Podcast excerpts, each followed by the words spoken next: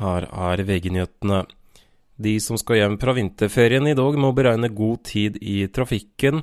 Spesielt på Østlandet, og da særlig E6, er det ventet en del trafikk i dag. Akkurat nå er bl.a. E6 mellom Lagsøytkryss og Minnesundbrua delvis stengt pga. veiarbeid. Her vil det bli lange køer, ifølge Veitrafikksentralen. Den belarusiske opposisjonslederen Svetlana Tsjikhanovskaja oppfordrer til boikott av valget i dag.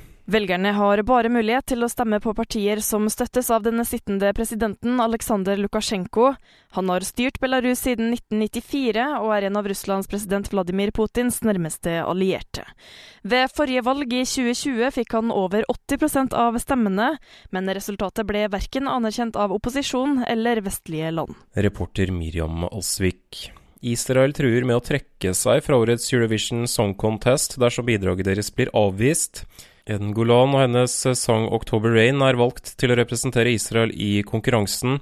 Teksten er ennå ikke sjekket for politiske referanser. Dersom den har det, kan den bli avvist. I studio André Ødeby, nyhetene får du alltid på VG.